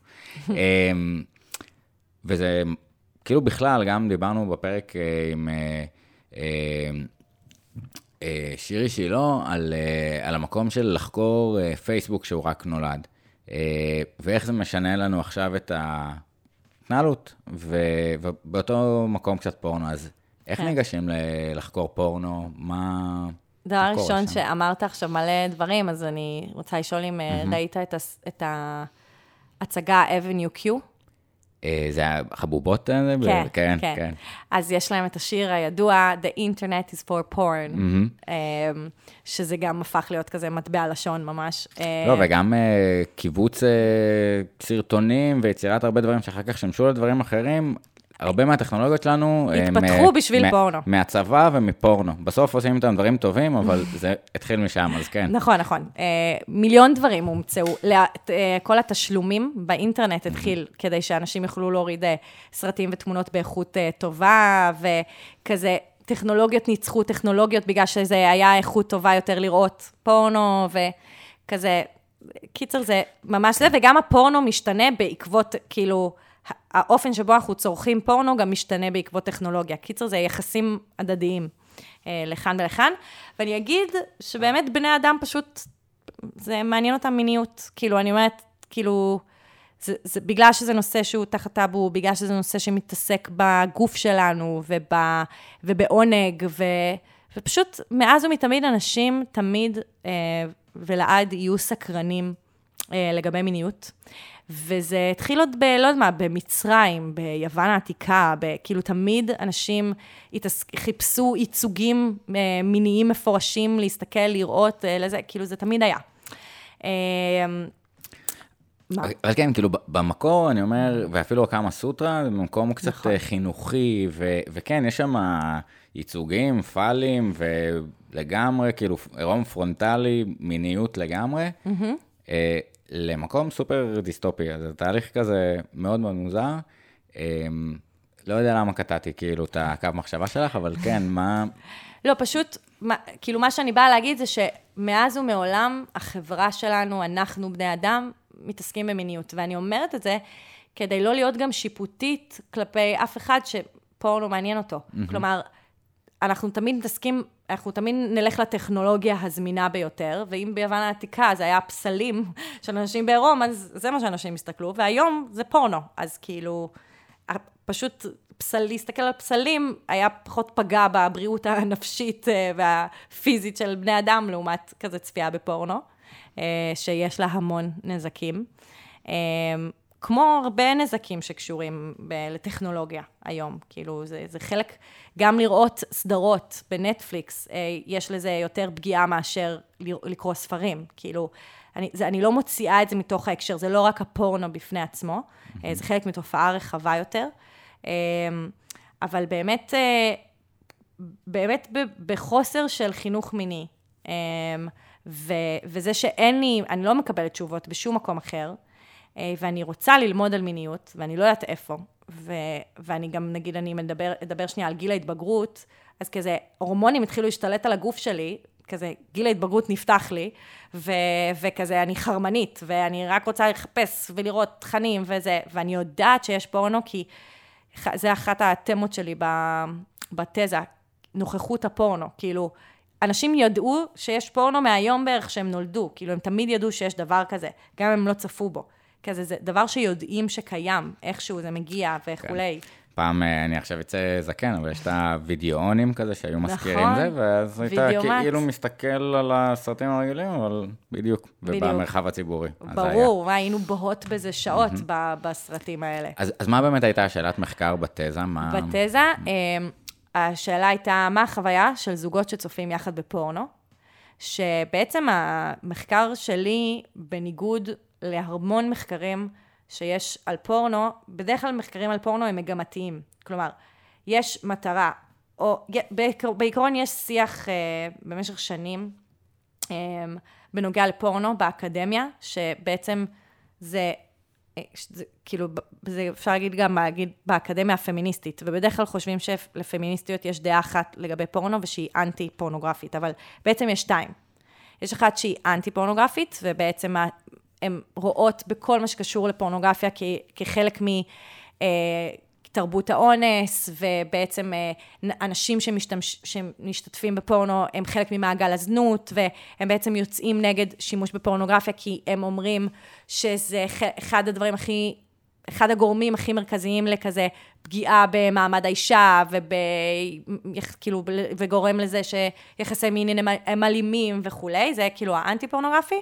ויש את האנטי-אנטי-פורנוגרפי, שזה sex positive, או אה, pro-sex, שזה מחנה אחר, שבעצם בא ואומר, אה, מיניות זה משהו שצריך לדבר עליו, לחגוג אותו, ליהנות ממנו, צריך לשים אותו ב front, גם דרך פורנו. הייצוגים ואיך שהאופן שפורנו נעשה היום, זה, זה, זה חרא. כאילו, בוא נעשה משהו אחר. הם לא אומרים, if you can fight them, join them, הם אומרים, מיניות זה דבר שצריך להתעסק בו, לעשות אותו, לחקור אותו, כאילו, גם דרך פורנו. כאילו, זה, הם פשוט אומרים, הפורנו מיוצר, באופן שהוא מיוצר היום, הוא הרסני. כאילו, הם לא מעודדים את איך שפורנו היום מעודדות. אה, זה הרוב נשים בוויכוח הזה. אז אני, כאילו, יכולתי לבוא מכל אחת מהדעות האלה, אבל uh, היה לי חשוב כאילו לבחון את זה מנקודת המבט של שתיהן, כלומר, גם של סקס פוזיטיב וגם של אנטי פורנוגרפי, um, מתוך הנחה שזה גם וגם, uh, ושעבור זוגות, החוויה היא מורכבת. כלומר, יכול להיות שיש חלקים בפורנו שעוזר להם לחגוג את המיניות שלהם, ולגוון אותה, וללמוד דברים חדשים, ו, ושוב, מדובר פה גם באנשים מבוגרים, לא בבני נוער. אמ, לעומת זה שהיה לי ברור שזה גם משחזר תסריטים, אה, משחזר מיניות אה, אה, שהיא מגדרית, כאילו מחולקת מגדרית עם תפקידים מאוד מסוימים. כלומר, זה היה לי ברור שזה גם וגם. מה זה היה לי ברור? זה התגלה גם תוך כדי, זה מחקר איכותני, לא ציינתי את זה. כן. זה היה, הבנת את זה בסוף? לא, כאילו בעצם איכותני, אז כן, ראיונות ו... בדיוק, זה אין, אין השערה שאני מנסה להוכיח אותה, אלא יש שאלה פתוחה, שאני בעצם שמה זרקור על תופעה, אה, כשהיה לי, כאילו, המטרה שלי לא הייתה לצאת עם כזה תשובה של כזה פורנו מזיק לזוגות, או פורנו מועיל לזוגות, אלא משהו שהוא באמת יותר מורכב. מורכב. כאילו, בדיוק. להבין את ה...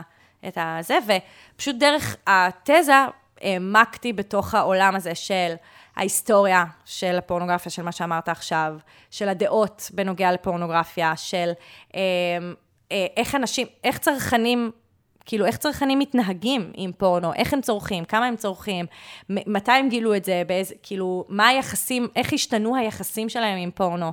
שכמובן, אם אני ראיין היום, חבר'ה, היום בני 20 נגיד, זה שונה בתכלית מהמרואיינים שלי, שהם היו כזה בגילאי 30-40. אה, כאילו, זה שונה בתכלית, בגלל ההשתנות של הטכנולוגיה בזמן הזה, וה, והסמארטפונים והכול. אמ, אז זה בהקשר של התזה שלי. איך שואלים, כאילו, את השאלות האלה את המרואיינים? Mm. אמ, זה מרגיש... זהו, זה היה יפה, אתה באמת יודע לשאול שאלות. טוב את, ה, את המדריך ראיון, כי את, אני נכנסת לבית של אנשים, פוגשת אותם לראשונה בחיים שלהם.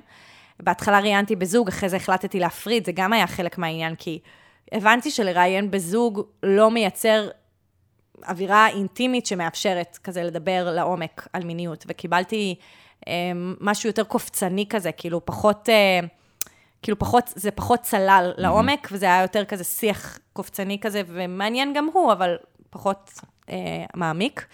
ו... אז גם הפרדתי, וגם בהתחלה אה, שאלתי, ספרי לי על הפעם הראשונה שצפית, שנחשפת לפורנו. וזה היה כאילו, זו שאלה ארדקור כזאת, כאילו, ובסוף שיניתי את זה לזה שקודם כל אה, יספרו לי על הזוגיות שלהם. Mm-hmm. כאילו, תספרי לי um, על הבן זוג שלך, איך הכרת אותו, מאיפה זה, זה כאילו הכי סייף זון שאפשר להתחיל ממנו, כי זה כזה סיפור היכרות כיפי, משהו כזה, כזה של להראות, להציג מי הם דרך הסיפור הזה, כאילו יש משהו, זה גם מזמין סיפור, כאילו מצד אחד, כזה, איך הכרתם, איך זה, אבל מצד שני זה, זה מרחב שאנשים רגילים לדבר עליו גם בארוחות ערב, נגיד. אז זה כאילו היה כמו הפורפליי, mm-hmm. שאני כמובן לא מאמינה במושג הזה, אבל uh, בסדר, זה לשיחה אחרת. Uh, אבל זה כאילו היה החימום, ואז, uh, ואז השאלה השנייה הייתה, ספרי לה על הפעם הראשונה שצפית בפורנו. שנחשפת לפורנו, זה יותר נכון, כי אנשים נחשפים לפורנו, הם לא בוחרים לצפות בזה, זה קורה להם בצורה פסיבית, זה פשוט מגיע אליהם בכל מיני דרכים. אז, אה, אז ו, ובסוף, מ, אתה יודע, זה לאט לאט קורה. אני חייבת להגיד שגם יש לי מיומנות לדבר על מיניות, אז זה, זה מאפשר את זה. זה. זה ברמת ההבעות פנים, כאילו, כשבגלל שאני רגילה לדבר על מיניות, אז, אז אני לא יהיה לי הבעה מופתעת כשמישהו יספר לי, כאילו, זה, אני, יש, אני אשדר משהו יותר רגוע, ואז באמת זה יאפשר. כלומר, היה לי יתרון, הסיבה שבחרתי מן הסתם לחקור מיניות, זה כזה כי כבר הייתי בתחום. אז אה, זה נתן לי את הפור הזה. אני חושב אבל כאילו, שבאיזשהו מקום, זה כן גם בוורטיקל של מיניות, אבל יש לך גם את ההתנסות בלהקשיב לאנשים ולשמוע, גם אולי זה נושא שהוא קצת יותר קשה, אבל המיומנות היא גם ממקום כזה. אמ, וכאילו מעניין אותי אולי לשאול גם מהמקום של אה, טיפול מיני, אמ, האם שואלים שאלות בצורה שונה משאלות ביומיום? איזה mm. פרקטיקות אה, מתבצעות בשאלת שאלות בין, את יודעת, גם יש הבדל גדול בין חינוך מיני לטיפול מיני, נכון. אז איך, איך אה, שאלות חיות במרחב של טיפול מיני? בטיפול, בטיפול מיני העניין הוא להיות סקרנית, כאילו, ופחות אה, פחות, פחות לחפש תשובות, אה, אלא יותר לעזור בעצם לבן אדם להכיר את עצמו דרך השאלות שלי. אה, אני, אני אגיד שהיום, אני עדיין לא התחלתי את הטיפול מיני, ואני יותר mm. עושה ייעוץ מיני, שגם mm-hmm. זה, ייעוץ מיני הוא משהו שהוא יותר, ייעוץ מיני זה מה שאנחנו עושות בדלת פתוחה, אנחנו עונות בטלפון, באינטרנט, במפגשים אישיים, כאילו לנוער וצעירים שמתקשרים. ו... ואז ייעוץ זה שיחה שהיא חד פעמית. אז שם יש מטרות. כאילו, אני רוצה לשאול שאלות כדי לקבל אינפורמציה שתעזור לי לעשות או אה, תיקון של עיוות, או חינוך מחדש, או כאילו משהו כזה. אה, ואז כאילו מעין לתת, זה עצה, זה קצת מצחיק, זה גם בשיט של אחרים, שאנחנו נותנות שם עצות. עצה היא לא כמו שאנשים תופסים אותה. היא לא, זה לא, היא לא מורכבת רק מתעשה ככה ואל תעשה ככה, היא אפילו לפעמים זה לא יגיע לשם. עצה זה נרמול, זה להרגיש פחות לבד, זה להרגיש ש, שלא, שלא רק לי זה קורה, כאילו, כאילו עצה היא לא מורכבת מכזה עשה, אל תעשה רק. ו, אה, אז זה מה שקורה, ובטיפול מיני יש חלק שהוא פסיכו-חינוכי. כלומר, בגלל שזה מצחיק, אבל בעצם, כאילו, אתה מגיע לפסיכולוג, הוא לא בהכרח ילמד אותך עכשיו דברים חדשים, אבל אתה מגיע למטפל מיני, בגלל שלא מדברים בחברה שלנו בכלל על מיניות, אני אהיה חייבת, בתור מטפלת מינית, לעשות שם תיקון לעיוותים. כלומר, אני אהיה חייבת אה, שנייה לתת אינפורמציה שהיא נכונה, כדי שנוכל להמשיך את השיח בכלל ממקום ש, שמאפשר, כאילו, אני חושבת שברגע שאנחנו מתקנים עיוותים, אנחנו פשוט פותחים ומרחיבים לאנשים את האפשרות לבחור. ואנשים לא נמצאים אה, בתוך סיטואציה שהעולם כופה עליהם להתנהג, להתנהל, להיות במערכות יחסים שלא נעימות להם, שלא מפתחות אותם, שלא עושות להם טוב, כאילו בגלל שלא פתחתי, אני אף פעם לא, כאילו אני או אף אחד לא פתח בפניהם את האפשרות שאפשר, אפשר אחרת. אז כאילו, המטרה שלי הכי גדולה היא פשוט, לכל מי שאני מדברת איתו בהקשר של מיניות, זה להרחיב כזה את ה... כאילו, מתפיסה של כזה, ככה חייבים, כי ככה מתנהגים, כי זה מה שנהוג, כי לא זה, אז פשוט להגיד, אוקיי, יש עוד, יש עוד כמה אופציות שאולי לא חשבת עליהן. חשבת עליהן. מגניב, כאילו, האם יש עוד כמה אופציות שלא חשבת עליהן? כן. ואת יודעת, כאילו, אני חוזר אה, לאותו ילד של, אה, וואלה, אני יכול פשוט לשאול, זה הרבה יותר קל. זאת אומרת, הלאוורר ולייצר אה, מקום של אה, שיחה והדדיות בשיח של נושא שהוא מורכב וקשה ופוטנציאלית אה, מייצר את אחת ההנאות הכי טובות בחיים, ומצד שני, טראומות ופצעים כל כך גדולים, אז לתת את המקום הזה של שאלות וחינוך, אז כאילו, את יודעת, כזה, כחלק מהחברה, אז תודה שזה, וש... נרבה ונעשה יותר. ככה לקראת הסוף, מעניין אותי לשאול, מה לדעתך הופך אה, שאלה לשאלה טובה?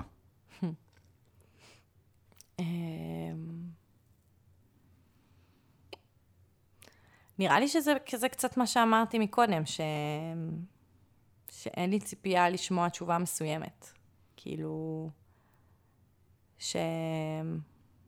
שהיא היא, מעור, היא מעוררת משהו אצל הבן אדם השני, וכאילו שאני לא מכוונת למשהו, אלא שהיא מעור... היא, היא בעצם מרגשת כאילו את הבן אדם השני, והיא בעצם פותחת עכשיו איזה משהו כזה שהוא לא, שהוא לא חשב עליו, זה כזה לעשות עוד כזה צעד ימינה, שמאלה, כאילו משהו כזה אחר. אדיר, כאילו לקחתי, זה גם מקום שפרק נגיד עם אה, ההופכי של זה, שהרבה פעמים אנחנו אומרים, אה, אה, שאלה טובה היא שאלה פתוחה, שיש לה הרבה מקומות, ונגיד בבית משפט, אה,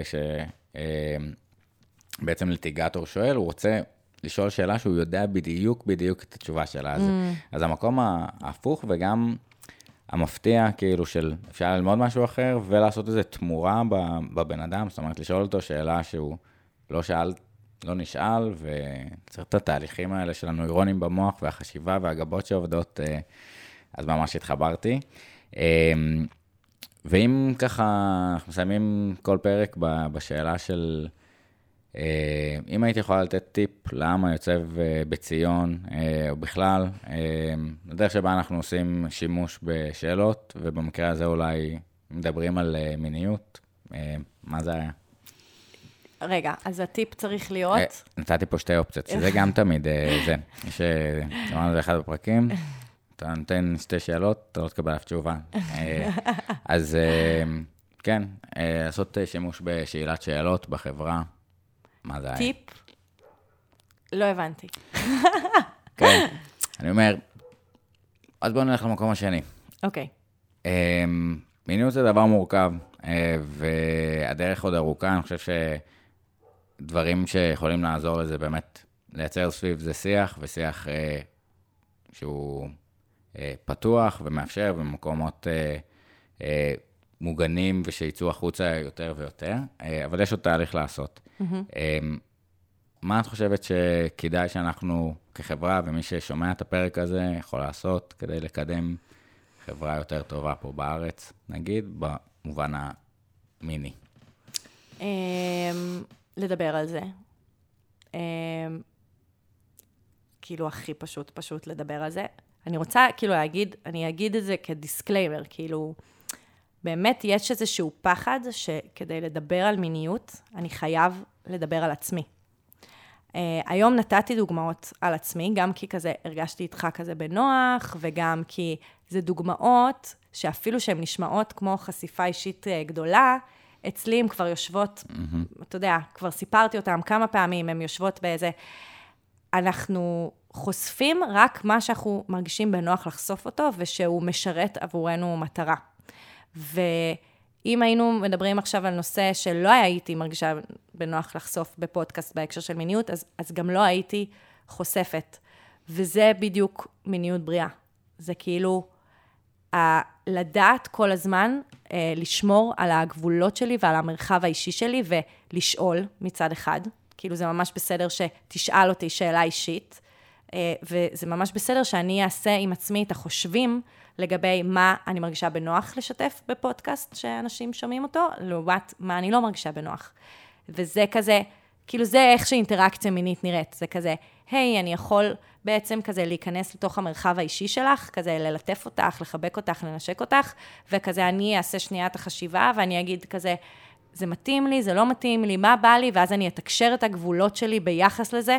אז כאילו זה כזה מאוסף את זה ביחד לשאלת, ש... שאלת שאלות, נתינת תשובות, וכזה, איך זה, מת... איך זה מתבטא במיניות בריאה. כאילו, אנחנו לא צריכים לחשוש משיח על מיניות, וזה שזה ייכנס כאילו לנו לחיים האישיים, כי אנחנו תמיד יכולים לבחור כמה אנחנו נחשוף בתוך הסיפור, בתוך הדבר הזה. אמ, זה כאילו זה היה קסם קצת, אה, היכולת לשיים ולהכניס את זה במסגרת, את, האתגר הזה, אז ממש תודה ככה באמת על הכמה משפטים האחרונים. אני, כאילו, אגיד, זה התחבר לי מאוד, בהתחלה אה, עם ה-85 שאלות, קצת חששתי מזה. זאת אומרת, בכלל לשחרר את זה, זה היה מאוד תהליך, אה, כי זה, זה גם קצת מקום שהוא יכול להיות חושפני מדי, זאת אומרת, לשאול שאלות של, לדעתי, הורות טובה, וואלה, אולי זה יושב לו על איזה מקום, או איך... ונורא מעניין לראות, אחד, שיש באמת את המנגנוני ויסות נכון. של כל בן אדם, איפה הוא מרגיש בנוח לחשוף. ואני חושב שנוצר גם מקום, גם בשיח מיניות ובכלל, שיש מחול בין פגיעות לאמון. Mm. ו- ו- ואני לא יודע, כאילו, בהתחלה יש איזשהו מקום שאתה חושב שמי שאתה נותן בו אמון, אתה מרגיש בנוח להראות פגיעות מולו, אבל הרבה פעמים זה הפוך. וככל שאתה אומר, בואנה, אני לא מצליח לי הדבר הזה, ואז, אז אתה לא איזה סופר וומן, או זה כמו שאמרת בהתחלה, וזה משהו שהוא נגיש ואפשר לייצר את האמון. אה, נכון. ואולי ככה גם באמת בין, אה, בין זוגות, לא הכל חייב להיות אה, מושלם, ואנחנו נכון. מראים את הפגיעות ומייצרים את השיח סביב זה. נכון. סיוון, המון המון תודה ככה. תודה. ה... תודה שנתת לזה במה, באמת. אז אני, אני חושב שזה לגמרי המקום, אה, ובמסע הזה אנחנו מנסים כל פעם דרך אה, משקפיים, אה, וגם מצד אחד המקום הפרופסיונלי, אבל גם האישי, ולהבין שלכל בן אדם יש את הזווית הייחודית שהוא מהיר, ולנסות להבין את המסע הזה של מה אפשר לעשות עם שאלות, ואם אותו ילד, שוב, אני חוזר, הבין שבעזרת שאלה הוא יכול לא לפגוע במישהי, ואנחנו יכולים לעשות שימוש בשאלה כדי לעשות פה איזשהו תיקון, או לגמרי. אה, כל מיני מקומות אחרים סביב העניין של אה, מיניות, אז המון המון תודה. אה, תודה. אז אה, חבר'ה, נתראה בפרק הבא. אה, אם יש לכם שאלות על הפרק, מוזמנים להיכנס לקבוצה אה, פודקאסט שאלה טובה עם אסף פאול כהן בפייסבוק, וסיון ואני נשמח לענות. הלינקים למטה. צ'או.